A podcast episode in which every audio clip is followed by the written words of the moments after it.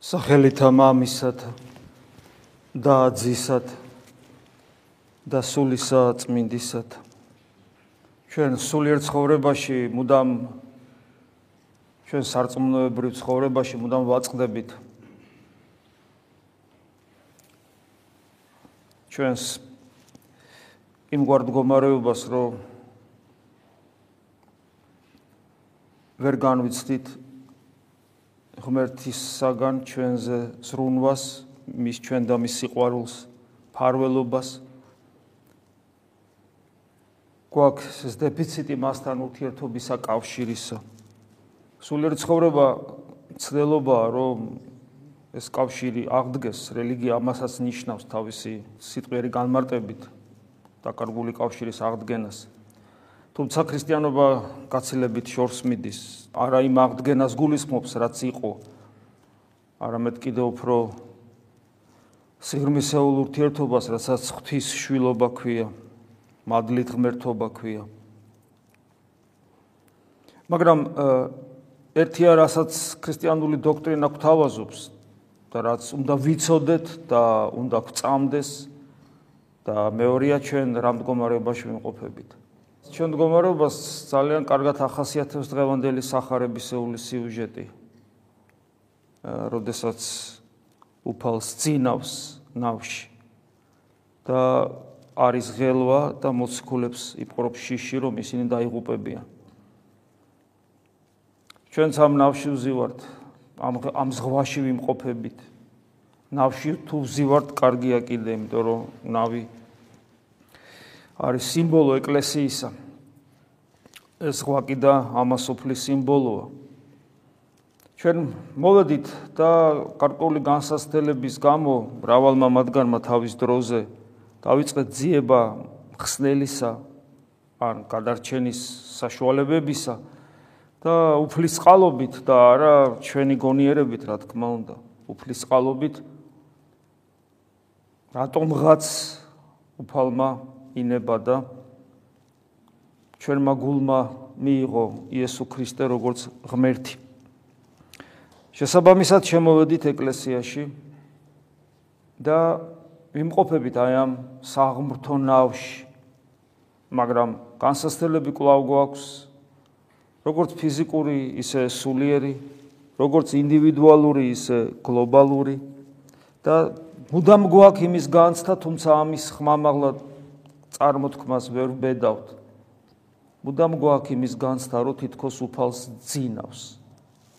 და ჩვენთვის არცალია, ჩვენ გაჭირვებას ვერ ხედავს, ვერ განიცდის. და შეიძლება ისე დავიღუპოთ, რომ მან ჩვენ ვერ გიშველოს. გახსოვთ დღევანდელ სახარებაში უფალი საყდურს ეუბნება, რომ რატომ შეშინდით რატომ ხართ ასე შეწუნებულები და მცირად მორწმუნეებს უწოდებთ. ასე რომ ეს სიტყვები მცირად მორწმუნეობა თითოეული ჩვენგანის და სათვის არის. თითოეულ ჩვენგანზე არის ნათქონ. თითოეულ ჩვენგანზე. უფალს სინამდვილეში ხორცელად რომ წეძინა მაშინ ის კი ხო ღმერთია. და მას როგორც ღმერთს რა თქმა უნდა არ ძინავს. და რას ნიშნავს უფალს ეძინა და მოციქულებს ეშინიათ და აღვიძებენ მას ხორციელად. ეს არის რწმენის დეფიციტი. ანუ ისინი იესო ქრისტეში იმ დიდებას ვერ ხედავენ, რა დიდებასაც ვერანაირი გონება ვერ იტევს, რომ ის არის ღმერთი გამოჩენილი ხორცი, როგორც პავლე მოციქული ამბობს. ეს საიდუმლოება ღვთისახურებისა, ანუ ჩვენი რელიგიურობის საიდუმლოება ქრისტიანობის საიდუმლოება დიდარს ღვთის სახურების საიდუმლო ღმერთი გამოჩნდა ხორციკა. ჩვენი ჩვენი სულიერი ცხოვრები ჩვენი რელიგიურობის ქრისტიანობის საიდუმლოება სწორედ ეს არის რომ იესო ქრისტე არის ის ღმერთი რომელმაც სამყარო შექმნა და მთელი პრობლემაც აქ არის. ჩვენი რომ ჩვენ ვერ ვერ აღვიქვავთ ვერ განვიცდით ვერ გვწამს მისი ღმერთობა მისი შესაბამისად ყოვლის შემძლეობა შესაბამისად ყოვლის მყრობელობა ვერ ვიტევთ ამას. ყველაფერი უნდა გავაკეთოთ იმისათვის, რომ ამ მდგომარეობიდან გამოვიდეთ. მაგრამ ამ მდგომარეობიდან გამოსვლა თუ გვინდა რა თქმა უნდა აქ ორი მიმართულებით არის საფიქრელი. ერთი ის თუ რა ხდება ჩვენს შიგნით, რომ ჩვენ შიგნით, ჩვენს გულში თითქოს და ძინავს ღმერთს და ვერ ვაგებინებთ, ვერ ვაღვიძებთ. კაცმარო თქვას, რამდენად ვცდილობთ ამის გაკეთებას. აი მოციქულები შეძწუნებულები არიან და დაღუპვის შიშით მიდიან და აღვიძებენ უფალო ვიღუპებით. ჩვენ რამდენად რამდენად გულმხურვალეა ეს ხო ლოცვა არის ხო? უფალს მიმართავე უფალს როცა მიმართავს ადამიანს ლოცვა და ლოცვის უამრავი სახეა წმინდა წერილში მათ შორის დემონური ლოცვა არსებობს გახსოვთ ხო? ეშმაკებლები როგორ ეუნებიან წადი ჩვენგან და რატომ მოხვედი აქ და ჩვენ სატანჯველა და ღადარინელები გახსოვთ რომ ესე იგი წადი ჩვენგან ქალაქიდან უშვებენ. ანუ ეს დიალოგი ეს ცდელობა კავშირისა ქრისტესთან ლოცვის სხვადასხვა სახეობაა მაგრამ აი ამ შემთხვევაში არის ეს გულმხურვალება, იმიტომ რომ ისინი დაღუპვას გზნობენ. რამდენად გულმხურვალია ხოლმე ჩვენი ლოცვა, იმიტომ რომ ლოცვა გულმხურვალი ხდება მაშინ, როდესაც იესოს მოუხმობთ რა მოუხმობთ იმას, ვინც ის არის, ანუ მხსნელი. ანუ იმისათვის რომ ჩემი ლოცვა იყოს გულმხურვალე, მე უნდა ვგრძნობდე ჩემს დაღუპულობას, იმას რომ ვიღუპები, იმას რომ ძალიან ძიმე მდგომარეობა მაქვს და შესაბამისად ეს ლოცვა ხდება გულმხურვალე. რატომ არის რომ ადამიანი განსასწელის გამო ღმერთის ძიებას იწყებს? რატომ არის ადამიანი განსასწელი ჟამს ეკლესიაში მოდის? რატომ არის განსასწელი ჟამს ლოცვა უფრო ძლიერი უხდება, განსასწელი გადაივლის და მე ვეღარ არის ისეთი მისი ლოცვა. თვით მოღვაწე მამებიც კი გვიწერენ ხოლმე იმას, რომ განსასწელი როგორი მნიშვნელოვანია იმისათვის, რომ ლოცვა იყოს გულმხურვალე და რატო? იმიტომ რომ როცა ფიზიკური განსაცდელი არ არის, როცა ჩვენს ამ ქვეყნიურ ცხოვრებას საფრთხე არ ემუქრება, პირიქით როცა გარკვეული კეთილდღეობა აქვს ადამიანს ივიწყებს იმას, რომ იღუპება ნებისმიერ შემთხვევაში. ხორც ვერ გადაარჩენ, აუცილებლად მოკვდება და ღვთის წინაშე აუცილებლად წარსდგება. აი ამას მუდამ ივიწყებს ადამიანი და ჩვენი ჩვენი ჩვენი ყოფა, ამ ქვეყნიური ყოფა მოკლებულია აი ამ განცდას, რომ კაცისათვის ანუ ადამიანისათვის სასופველში ყოფნა შეუძლებელია. ამ შეუძლებლობის განცდა არის აუცილებელი პირობა, რომ ჩვენ იმგვარად ვილოცოთ ჩვენს გულში, რომ უფალი გავაღვიძოთ. და როცა ჩვენი მოწოდებით მოუხმობთ რა მას ჩვენს გულში იესოს არიღვიძებს უფალი. ამ შემთხვევაში აი იმ სიუჟეტს ვიყენებ სახარებისეულს ეს ნიშნავს იმას, რომ ხელვას ვერ გძნობთ. ის რომ შეიძლება დავინთქათ წყალში, ამასოფლის სულში და წარწმდეთ დავიღუპოთ, ვერ გძნობთ. უფალს ეძინა და მოციქულები არ აღვიძებენ. ამის საჭიროებას არ გძნობენ. სანამ არ მიხვდნენ რომ შეიძლება დაიღუპონ, ხოლო ამის შემდეგ იგზნეს ამის საჭიროება. ჩვენ სანამ არ ვიგზნობთ საჭიროებას რომ გადარჩენა გვჭირდება, მანამდე ვერ ვაღვიძებთ უფალს, ამიტომ ჩვენი ლოცვა არ არის ეფექტური, არ არის ناყოფიერი. სამწუხარო რეალობაა ეს. აი როგორც მინდა მამები ამბობენ, რომ სისხლი უნდა გაიღო, მადლი რომ მიიღო. აი ამ სისხლს ვერ ვიღებთ, იმიტომ რომ საჭიროებას არ აგვძნობთ. და ამავე დროს ისინი ნავში არიან და ნავში ძინავს უფალს. ანუ მათი რწმენა მათი რწმენა სუსტია. მათ გონიათ, რომ ღმერთს ძინავს, როგორც ასეთი და ყურადღებას არ აქცევს, მაგრამ ეს ყველაფერი ცუდი, ანუ მათი რწმენა რო სუსტია და მათ რომ გონიათ, რომ ღმერთს ძინავს, ანუ მათი რწმენა რო არ არის სრულყოფილი ქრისტეს ღმერთკაცობისა, ეს ყველაფერი ხდება იმ გარემოში, რომელიც თითქოს საცა ახლა უნდა დაინთქას, საცა ახლა ჩაიძირება და ეს არის ნავი. აი ეს მდგომარეობა გვაქვს ჩვენ ძალიან ხშირად ეკლესიაში. ჩვენ ეკლესიას ვერ აღვიქვავთ იმ გადამრჩენელ ნავად, სადაც უფალს შეიძლება გგონია, რომ ძინავს, მაგრამ სინამდვილეში ეკლესია არის ის, სადაც ღმერთია. ეკლესიის გარეთ ყოფ ადამიანებს რო ეს წმენა არ აქვთ, უგვიკვირს. უამრავი ადამიანი არსებობს. მათ შორის ეს პროტესტანტული სხვადასხვა მიმდინარეობები, მათ შორის ადამიანები, რომლებსაც შეიძლება сахарება აინტერესებდეთ, უყვარდეთ, ან ამბობდნენ რომ ერთი გულში ყავთ, მაგრამ ეკლესიას ვერ ხედავენ. ნუ გვიკვირს მათი. იმიტომ რომ ეკლესია ესე თვალებით, ხორცელი თვალებით ეკლესია არა ჩანს, ეკლესიას წმენით ჩანს. გახსოვს ხო ჩვენ წამს რასაც ვაღიარებთ მწამსის დროს, წამს мама ღმერთი, წამს ზე ღმერთი, წამს სული წმინდა ღმერთი. გვწამს მარადიული სიცოცხლე, მკვდრათით აღდგომა გვწამს, მაგრამ ამავე დროს გვწამს ერთი წმინდა კათოლიკე და სამოციქულო ეკლესია. ანუ ჩვენ როცა ვინათლებოდით, ან ამ ნათლობის აქტუალიზაცია ხო მოხდა მაშინ, როცა ჩვენ ეკლესიაში მოვედით, ჩვენ კი არ ვხედავთ ეკლესიას. ისე როგორც ჩვენ კი არ ვხედავთ ღმერთს ჩვენი ხორციელი თვალებით. ჩვენ კი არ ვხედავთ ჩვენ ჩვენი ხორციელი თვალებით ჩვენს მარადილ სიცოცხლეს და მკვეთრად აღდგარს ხეულებს. ასევე ჩვენ არ ვხედავთ და ვერ ვხედავთ ეკლესიას ხორციელი თვალებით, ჩვენ გვწამს ეკლესია. როგორც კი ჩვენ ეკლესიას რწმენის სფეროს მივაკუთვნებთ, იმ წამსვე, იმ წამსვე, მრავალის დამაბკოლები რაც ეკლესიაში ხდება, თქვათ ჩემნერი ღვდლის გამო, რომელს სიტყვა და საქმე ერთმანეთს არ შეესაბამება, ჩვენი ცოდვები დატვირთულები მოვდივართ თქვენნაირ ცოდვილებთან, მაგრამ ჩვენ ხშირად უფრო მეტად ცოდვილები. და ვცდილობთ რომ ქრისტეს მიერ ერთობა კონდეს თუნდაც ლიტურგიაზე, ეს არ უნდა იყოს დამაბკოლებელი, იმიტომ რომ ჩემი დანახვით, თქვა, იგივე ცოდვილი ღვდლის დანახვით, თქვენ ან დაუნახავობით, ან წმინდა ღვდლის დანახვით, თქვა, და ან დაუნახავობით, ეკლესია არ ჩანს, არ იხილვება ეკლესიას წმენა ჭირდება.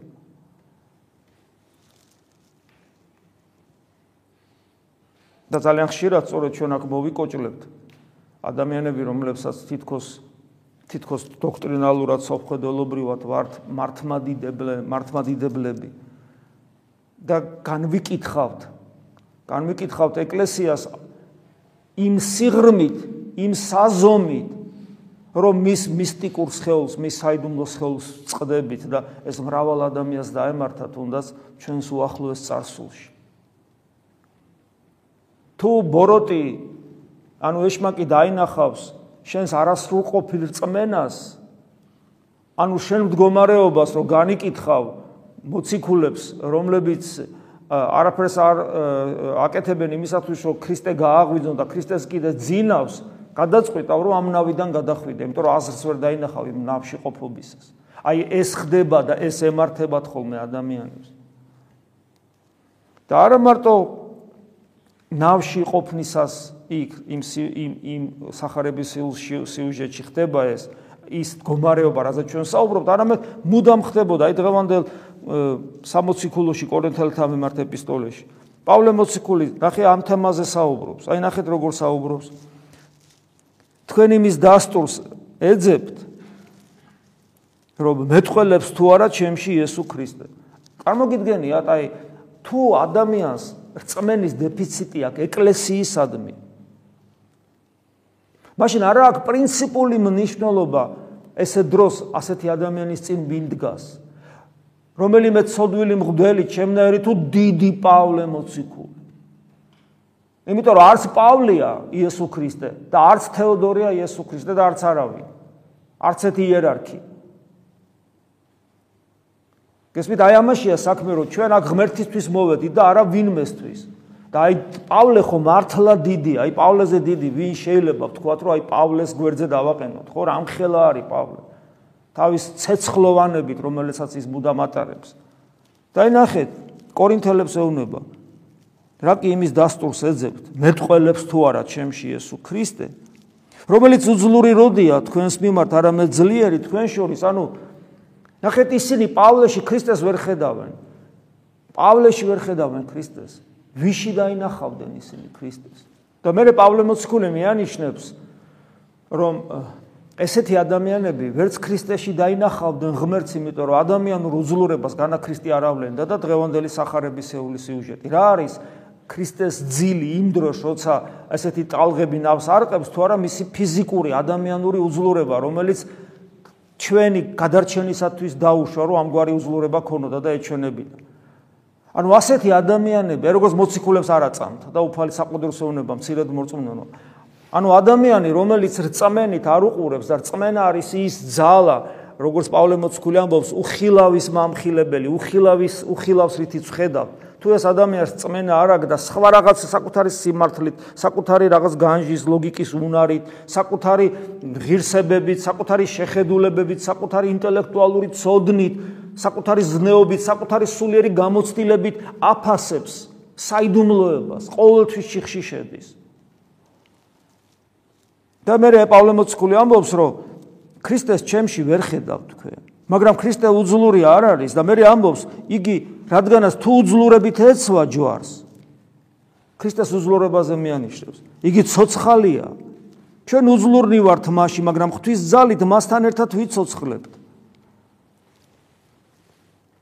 ამით პავლე მოციქული მეანიშნებს, რომ თქვენ ჩემში ვერ ხედავთ იესო ქრისტეს, მაგრამ უპირველეს ყოვლისა იმიტომ, რომ ქრისტე თქვენ თქვენი გაგებით უძლურებას ავლენს და თითქოს არ შეუულია მას რომ მოციქულის სიტყვაში, მოციქულის საქმეში გამოვლინდეს და ფაქტობრივად ეკლესია რომელიც ქრისტემ დაარსა და თქვა რომ მე დავარსებ ჩემ ეკლესიას და ბჭენი ჯოჯოხეთისანი მას ვერაფერს დააკლებენ და ჩემს მოსვლამდე ეკლესია იარსებებს იმიტომ რომ ეს კლდეზე დაფუძნებულია. ეკლესია მისი მისტიკური სხეულია. ჩვენ ვფიქრობთ რომ უფალმა ვერ მოახერხა ეკლესიის დაცვა და ჩვენ ვფიქრობთ, რომ ადამიანური უძლურებების გამო ეკლესიაში ღვთის მადლი აღარ არის. ადამიანები, რომლებიც ეკლესიას ებრძვიან, ისინი ფიქრობენ, რომ ეკლესიაში ღვთის მადლი აღარ არის ჩვენი სასულიერო პირების არასწორი ცხოვრების გამო და ამით ვინ გამოყავთ უძლური? რა თქმა უნდა, ქრისტე გამოყავთ უძლური, რომელმაც თურმე ვერ მოახერხა, რომ ისეთი მღვდლები და ისეთი ეპისკოპოსები შეერჩია, რომ მადლი შეენარჩუნებინა. ყველანი უვარგისები რო ვიყოთ, მადლი მაინც არის ეკლესიაში. და ეს დაუნახავობა ღვთის სხვანაირი ყოვლის შემძლეობის, არა ისეთი ყოვლის შემძლეობისა, მე რომ გონია, რომ ასე უნდა იმოქმედოს ღმერთმა და მაშინ გავსაგები იქნება. აი სხვანაირი ყოვლის შემძლეობისა, რომელიც ჩემი ამპარტავანი გონებისათვის ხშირად გაუგებარია. კიდევ ვიმეორებ ადამიანები რომლებიც ეკლესიის გარეთ არიან და მარტო წმინდა წერილით ფიქრობენ თქვა გადარჩენას. ღმერთმა ყოველას უშველოს. მე სულ ამბობ ხოლმე რომ ადამიანი რომელიც ამბობს რომ იესო ქრისტე ღმერთია მის გულს ღმერთია შენახები და მის გულს მადლია შენახები უფალი ზრუნავს მაგრამ შემდგომში მათი ეს რელიგიური მოღვაწეობა ყოველ ადამიანურ ლოგიკასაც კი მოკლებულია იმიტომ რომ ერთი წამით წამის ყოფით რომ დათმოს ასეთ ადამიანმა საკუთარი ამპარტავნება და ძილსადად ეს პროტესტანტულ მიმდინარეობებს ეხება საკუთარი ამპარტავნება დათმონ და ჩაიხედონ ჩაიხედონ ისტორიაში. და დარწმუნდებიან რომ პავლე რომელიც რაღაც გარდამავალია ხო მოციქულებსა და დანარჩენ მოღვაწეებს შორის იმიტომ რომ პავლეს ხორცელად ქრისტე არ უნახავს. პავლეთი არ დამთავრებულა ქრისტიანობა პავლეს შემდეგ უამრავი ადამიანები იყვნენ პირველ საუკუნეში, მეორე საუკუნეში, მესამე საუკუნეში, მეოთხე საუკუნეში, 21 საუკუნის ჩათვლით, რომლებიც იგივეს ამბობენ, რასაც წმინდა წერილში ვკითხულობ. და სწორედ პირველი, მეორე, მესამე, მეოთხე, მეხუთე საუკუნის მოღვაწეების დამსახურებაა, რომ წმინდა წერილი ხელთ გვიპყრია, ასეთი და არასხვანაირი. რომ ეკლესია არის პირველადი და ეკლესიიდან გამომდინარე არსებობს წმინდა წერილის. ეკლესიის ავტორიტეტმა, იმ ღმერთკაცობრივმა ავტორიტეტმა დაგვიდო წმინდა წერილი და გითხრა ეს არის და არა სხვა, იმიტომ რომ უამრავი აპოკრიფი არსებობს. მაგრამ ჩვენ როგორ შეგვიძლია იმათზე ხელი იმათკენ ხელი გავიშჭიროთ, როცა ჩვენ თვითონ გვიჭირს და ჩვენ თვითონ გვაქვს ურწმუნოების პრობლემები ურწმუნოებიდან გამომდინარე. და აი პავლე მოციქული ბოლოს ამბობს, რომ მიზეზი ჩვენშია და ასეთ რამეს ამბობს, გამოიც გამოსადეთ თქვენი თავი. ყვიდრობთ თუ არა რწმენაში. ანუ მე ნუ კი მიყურებთ, პავლე გეუბნებათ. ქრისტეს უძლურებებს ქრისტეს კი ნუ აბრალებთ, რომ ის უძლურია, იმიტომ რომ უძლურებით კი ესვა ჯვარს, მაგრამ დიდებით აღსდგა. არამედ თქვენი თავი გამოიცადეთ, ყვიდრობთ თუ არა რწმენაში, ანუ რა რწმენაც აღიარეთ. აი მწამსი, რასაც ჩვენ ვაღიარეთ, მწამს, რომ გწამს ერთი წმინდა კათოლიკე და 60 კულო ეკლესია. თუ თუ ეს წმენა გვაქვს ჩვენ? ანუ გამოიცადეთ თქვენი თავი მკვიდრობ თუ არ არ წმენაში შეამოწმეთ თქვენივე თავი. ნუ თუ არიცით რომ და ნახეთ ნუ თუ არიცით თუ თქვენ ქრისტიანები ხართ რომ თქვენშია იესო ქრისტე და თუ ეს იცით მაშინ რა გამოდის? გამოცდისათვის ვერ გაგიძლიათო პავლე მოციქული ამბობს. და რა არის გამოცდა? აი ეს ღელვა აი ეს კივილები აი ეს უსამართლობანი აი ეს პრობლემანი პრობლემები რაც არსებობს. ამიტომ თხილად ვიყოთ რომ გამოცდები რომლის გარეშეც ჩვენი ცხოვრება არ იქნება ყოველთვის იქნება გამოცდა და ეს გამოცდა ანუ იგივე განსასწრელი როცა ჩვენ გამოცდას უნდა ჩავაბაროთ ყოველთვის თხოვთ ჩვენ ზეციურ მამას რომ ისეთი არ იყოს. მართლა ბოროტის מחე არ იყოს რომ მე ეს გამოცდა ვერ ჩავაბარო და ჩემი შესაბამისი იყოს. და ჩვენ უნდა გვწამდეს რომ ჩვენ იმაზე მეტყვით არ დაგვადებს უფალი რისი აწევა ჩვენ არ შეგვიძლია და ჩვენი განსასწრებელი ანუ ჩვენი გამოცდა ისეთი ზომის არის ჩვენ რო ავწევთ. და პავლე მოციქულის საყვედური გვახსოვდეს რომ ვერ გაგიძლიათ გამოცდისთვის. იქნება ეს გამოცდები იქნება ეს საცდურები ჩვენი წმენა ყოველთვის დადგება გამოცდის წინაშე სანამ ცოცხლები ვართ. და გამოსავალი ამ სიტუაციაში არის ის, რომ ჩვენს გულში გავაღვიწოთ, იმიტომ ამბობს პავლე მოციქული, რომ გამოიცადეთ თქვენი თავი მკვიდრობთ თუ არა რწმენაში, ჯერ გავიაზროთ, რა გწამს, გავიხსენოთ, რა გწამს. და თუ გწამს ის რისთვისაც აქ ვარ. და მე გავიხსენოთ, რომ ნუ თუ არიცით, რომ თქვენშია იესო ქრისტე, ჩვენში და პრობლემას როცა მე ვხედავ გარეთ ისეთ პრობლემას, რომელიც მე მაბრკოლებს ეკლესიის მადლმოსილებაში სინამდვილეში ეს პრობლემა არის ჩემში, იმიტომ რომ ჩემში აღარ მახსოვს, რომ ჩემში უნდა მკვიდრობდეს იესო ქრისტე. ჩემში თუ ქრისტეს ვეძებ, როგორ შეიძლება ადამიანმა თავის თავში ქრისტე ეძებოს? და როგორ შეიძლება ას გულწრფელად უანგაროთ ეძებოს და როგორ შეიძლება ესეთ ადამიანს უფალი არ შეეხოს? და როგორ შეიძლება მე ესეთი ადამიანი ლიტურგიაზე მოვიდეს და წირვაზე ღმერთი არ განიცადოს? როგორ შეიძლება ეს წმინდა მამები იკითხოს და ღმერთი არ განიცადოს? როგორ შეიძლება მადლის განცდა არ ქონდეს ღვთისმსახურების დროს და თუ ადამიანს აქვს მადლის განცდა ღვთისმსახურების დროს და ზიარების დროს როგორ შეიძლება მან აუგითქვას ქრისტეს მისტიკურ სხეულს როგორ შეიძლება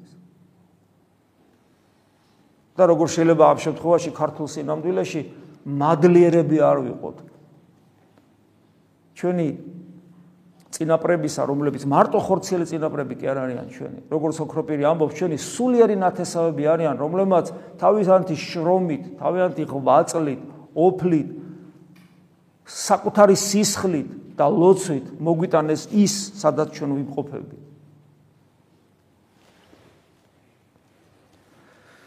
შეგვეციო სუფალი და კიდევ ერთხელ მოგცეს ძალა სწორი სულიერი ცხოვრების. არ დაგვავიწყდეს, რომ ყველაფერი ჩვენი გულიდან იწყება.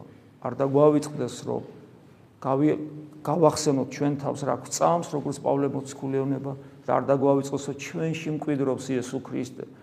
ჩვენში ეს თუ ეს თუ მახსოვს მე, რომ ქრისტე ჩემში მკვიდრობს, რა გამაჩერებს?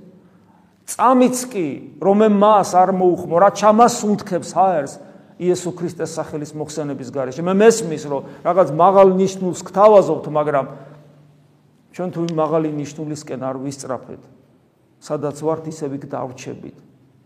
გესმით, ეს იქნება კატასტროფა. იმიტომ რომ ჩვენი სული სულიერი ცხოვრება არ განვითარდება და ჩვენ ვერ რეალიზდებით როგორც სასופეულის მოქალაქეები.